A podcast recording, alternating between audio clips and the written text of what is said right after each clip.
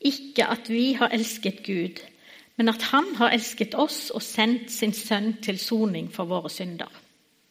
Mine kjære, har Gud elsket oss slik, da skylder også vi å elske hverandre.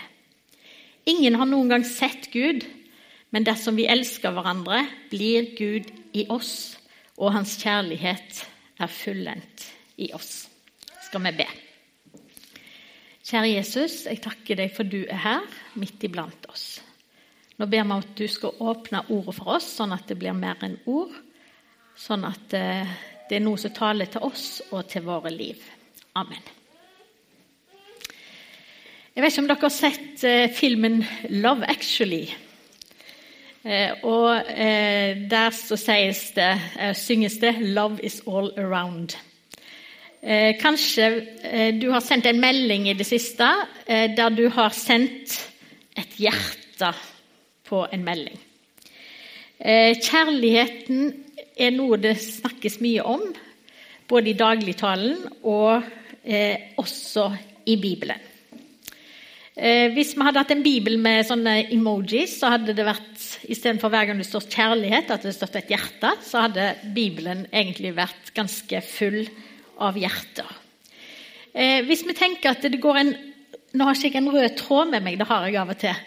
Men hvis vi tenker at det går en rød tråd gjennom Bibelen, eh, så er det, handler det om Guds kjærlighet til oss mennesker, og at han ønsker at vi skal vise kjærlighet til hverandre. Og Bibelen bruker flere ord for kjærlighet. Agape har dere kanskje hørt. Det er den guddommelige kjærligheten. Filia betyr vennskapelig kjærlighet, og eros betyr den erotiske kjærlighet. Siden vi snakker så ofte om eh, kjærlighet, og vi hører om det, så blir det lett et ord uten dypere innhold for oss. Men kjærligheten går aldri av moten. Den store verdenslitteraturen og musikken handler ofte om kjærlighet.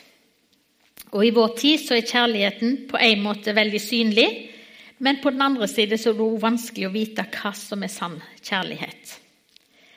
Vi lengter alle etter kjærlighet, enten er oss det bevisst eller ikke. Kjærligheten er en fantastisk kraft som kan forvandle oss. Kjærlighet har mange former. Det kan være kjærlighet mellom kjæreste, mellom ektefeller, mellom foreldre og barn, eller kjærlighet mellom venner. Men Bibelen viser oss den ypperste form for kjærlighet, som er den guddommelige og uselviske kjærlighet som ofrer seg sjøl for en annen. På Ansgarskolen lærer vi at eh, alle prekener bør ha tre punkter, og det skal jeg ha i dag. Og Det første punktet som vi kan få opp nå, eh, det er at kjærligheten er en gave, ikke en belønning. Som vi leste sammen, ja, dette er kjærligheten, ikke at vi har elsket Gud, men at han har elsket oss og sendt sin egen sønn til soning for våre synder. Vi har jo sett disse vakre dåpsbarna i dag. Eh, og er det noe som slår en, så er det jo eh, hvor fantastisk fint et sånt lite barn er. Eh, det var en psykolog som gjorde et eksperiment med en mor og et spedbarn. Først så satt mora med barnet i fanget, møtte barnets blikk og snakka til det. Og barnets mimikk speila morens. Når mora smilte, så smilte barnet og viste trygghet. Så ba psykologen mora om å gjøre ansiktet sitt til et steinansikt og ikke møte barnets blikk. Eh, da ble barnet urolig og begynte å gråte så ba mora være opptatt av mobiltelefonen sin og ikke se på barnet i det hele tatt. Og Da ble barnet enda mer urolig og gråt enda mer. Vi trenger alle å bli møtt med Guds kjærlighet, sånn som barnet trenger å møte sine foreldres kjærlige blikk. For det er nettopp i dette kjærlige blikket og omsorgen at barnets grunnleggende trygghet blir til. Enten vi sjøl har fått det som barn eller ikke, så er det så fantastisk at vi kan alle møte Guds kjærlighet som er like uforbeholden som Guds kjærlighet til sine barn. Og alle som har fått barn, vet at eh, en er jo ikke glad i det barnet eh, fordi at det gjør det ene eller det andre. Det er ikke sånn at eh, dåpsforeldrene i dag er mer glad i ungen sin hvis det ikke griner, enn når barnet griner, for det vil de jo også gjøre. Men vi er glad i det fordi de er våre barn. Og sånn er Gud også glad i oss fordi vi menneskene er hans barn. Og så er det sånn at Vi som er foreldre, vi er ikke fullkomne. Men Gud er fullkommen. Og det fantastiske med hans kjærlighet er at han har plass til alle mennesker på sitt fang. Han har plass til og tid for alle mennesker. Det at Gud elsker meg, betyr ikke at Gud ikke kan elske deg eller noen andre like mye. Han er ikke begrensa sånn som vi er.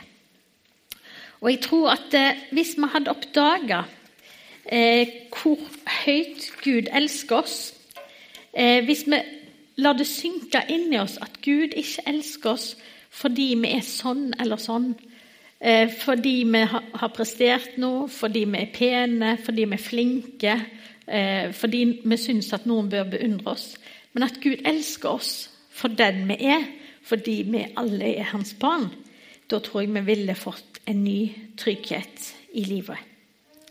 Enten en tilhører generasjon, prestasjon, eller en annen generasjon, eh, så er det viktigste for Gud å vise at han elsker deg. Og så er det noe befriende med at det ikke er du og jeg eh, som er kjærlighetens opphav, men at kjærligheten er Guds oppfinnelse, og Gud er opprinnelsen til kjærligheten. Og Hvis jeg får neste bilde, så kan vi se et speilbilde av havet. Jeg vet ikke om du noen gang har tenkt på at eh, havet speiler himmelen.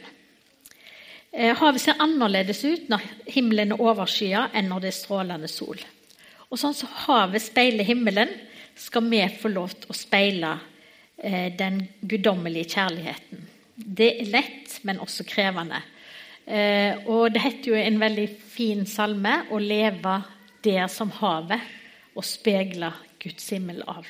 Det er faktisk ingen av oss eh, som kan finne på dette sjøl, men vi kan få lov til å ta imot Guds kjærlighet og speile den videre til andre. Eh, for eh, mange år tilbake så sang Jim Reeves sangen 'I Love You Because'. Kanskje dere som er liksom på min alder og over, husker den.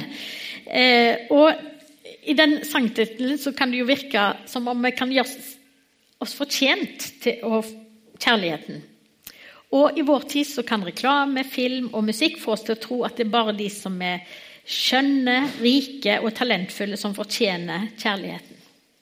Det er et ordtak som sier kjærligheten faller like lett på en lort som på en lilje. Eh, og også teksten vi eh, leste sammen, eh, det forteller noe annet.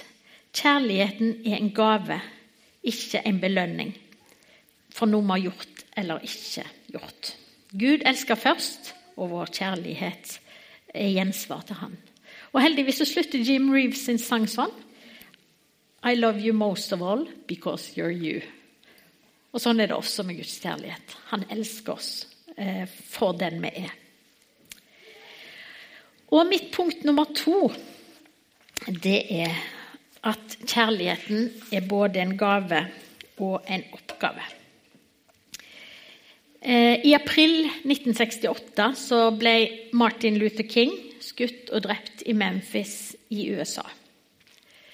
Det var store rasemotsetninger i USA på den tida. Det var et veldig spent, eh, spent samfunnssituasjon. Og Da var det en barneskolelærer som het Harriet Glickman. Hun var bekymra for hva disse rasemotsetningene mellom svarte og hvite gjorde med landet.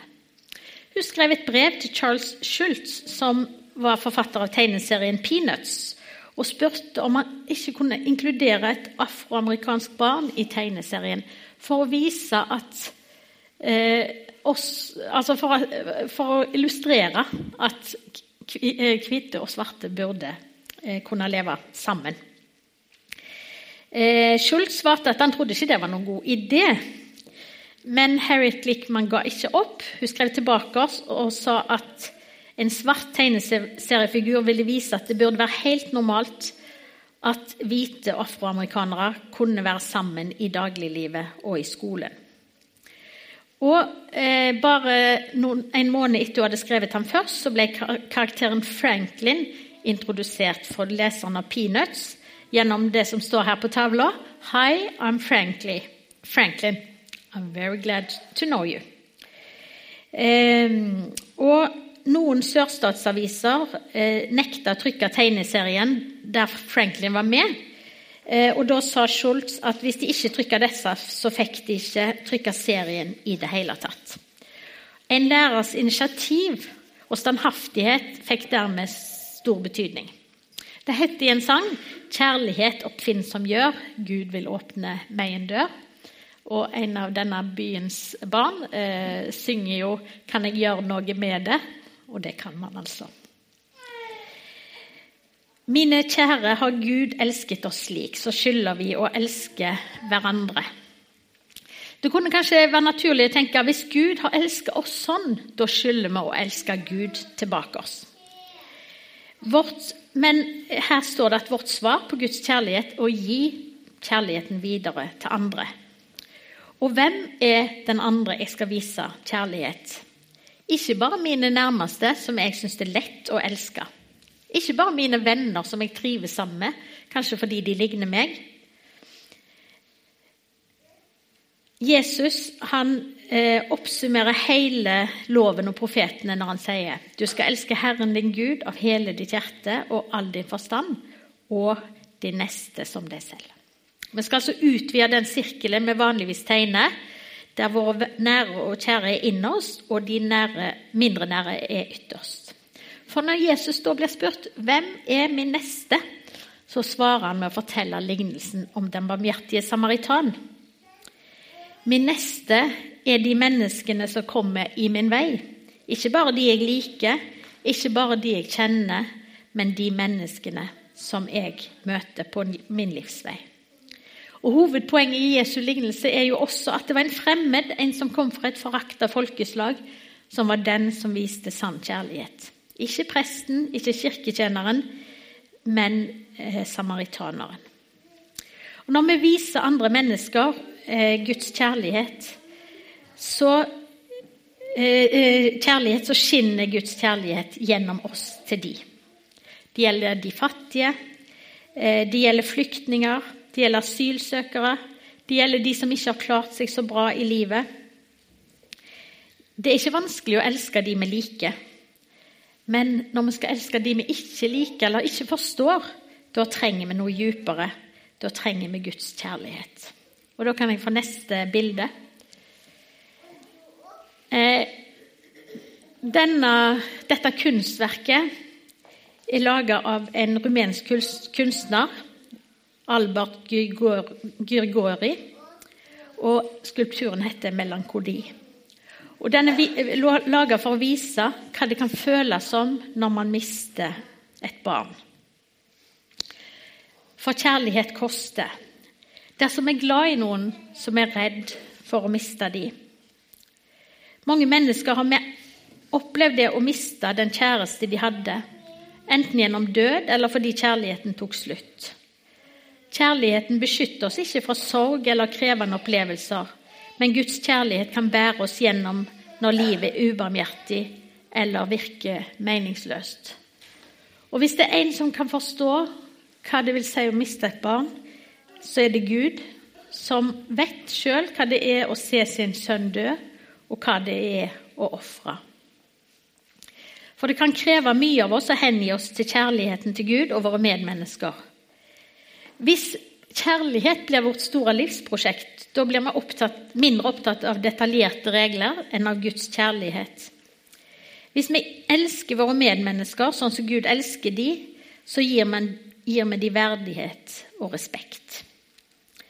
Sånn som et glassmaleri kun er vakkert når sola skinner på det, så er vår oppgave å la Guds kjærlighet skinne gjennom oss, sånn at mennesker kan møte Han. Vi kan og vi skal gjøre mye for våre medmennesker, men det er bare Gud som kan gi, eh, gi dem den samme kjærlighet og trygghet i livet som han først har gitt til oss. Mitt tredje punkt er at kjærlighet gjør Gud synlig i verden og for andre. Ingen har noen gang sett Gud, men dersom vi elsker hverandre, blir Gud i oss, og hans kjærlighet er fullendt i oss. Jeg vet ikke om du noen gang har tenkt sånn Å, jeg skulle ønske at jeg kunne se Gud, at jeg kunne ta på ham. Eh, jeg skulle ønske at jeg kunne vise Gud til noen jeg kjenner som ikke tror på ham. Se her, her er jo Gud. Her er jo Jesus. Og det hender at vi som er kristne, prøver å forklare og forsvare Gud for de som ikke tror. Og det hender at vi, vi, tenker at Dersom vi bare kunne forklare at Guds eksistens er like logisk og fornuftsmessig som at menneskene finnes, at jorda finnes, at tyngdekraften sørger for at eplet faller ned, fra, ned på jorda istedenfor opp i lufta Og Hvis vi bare kunne bevise det, da ville alle tro på Gud. Men selv om Gud er usynlig, for selv om Gud er usynlig, så betyr det jo ikke at Gud er mindre virkelig enn det synlige. Vi kan ikke se oksygen i lufta. Like fullt er vi avhengig av oksygen hvert sekund og minutt hele livet. Men selv om vi ønsker å på en måte forsvare Gud, og trosforsvar absolutt er viktig, så viser teksten oss at Gud har en enda bedre måte for å vise eh, at han fins, og det er å vise kjærlighet. For kjærligheten er en sterk kraft det står i Bibelen at kjærligheten er sterkere enn døden. Og eh, den berører mennesker ikke bare i deres fornuft, men vel så mye i deres hjerte. Er det noen som har vært forelska? Kanskje noen som til og med er forelska? Hvordan kan du egentlig forklare at du er forelska i den du er forelska i? Eh, jeg prøvde det argumentet på min datter, og hun sa ja, det er vel lett. Og så ramsa hun opp noe, så jeg ble litt svar skyldig. Men, eh, eh, men allikevel, altså, vi kan gi noen gode grunner, men så er det noe vi heller ikke helt kan forklare. Hvorfor var det akkurat den jeg ble forelska i? Hvorfor var det akkurat den som var forelska i meg? Kjærligheten sprenger logikken, men kjærligheten har en sterkere virkningskraft enn logikken. Og selv om vi ikke kan se Gud, så kan mennesker oppleve han når de får merke hans kjærlighet. Et sterkt eksempel på det er presten Maximilian Kolbe, som i 1941 overtok plassen for en far som var utpekt til å henrettes i konsentrasjonsleiren Auschwitz. Og Da sa Kolbe at denne mannen har mange barn, jeg har ingen barn, og dere kan drepe meg istedenfor han. Jeg tror at de fleste av oss kanskje aldri blir stilt overfor å gjøre et sånt offer. Men allikevel vil også vi kunne finne situasjoner der vi får lovt og blir utfordret til å vise kjærlighet i praksis, og dermed gjøre Gud synlig for andre mennesker. Og når Gud, synlig, når Gud blir synlig for andre mennesker, så blir han kanskje også synlig for oss. For det står veldig talende litt lenger ned i kapittelet. Jeg leste i vers 20. For den som ikke elsker sin bror som han har sett, kan heller ikke elske Gud som han ikke har sett. Helt til slutt så vil jeg si at eh, vi er tilbake oss til begynnelsen. Det er den røde tråden gjennom Bibelen, Guds kjærlighet. Og vi vet sjøl at kanskje vår dypeste lengsel er å bli elska, det er å bli sett. Kjærligheten er begrunnelsen for Guds frelsesplan med menneskene og den røde tråden i Bibelen fra første Mosebok til Johannes' åpenbaring. Og vi har sett på at vår kjærlighet er en gjenspeiling av Guds kjærlighet. At vår oppgave i livet er å formidle denne kjærligheten til andre. Til andre. Og kjærligheten er faktisk verdens beste gudsbevis. For når vi elsker, så blir Gud synlig i oss og for oss. Så min oppfordring til dere og til meg sjøl i dag, det er la deg berøre av Guds kjærlighet, og la Guds kjærlighet bevege deg til å tjene dine medmennesker. Amen.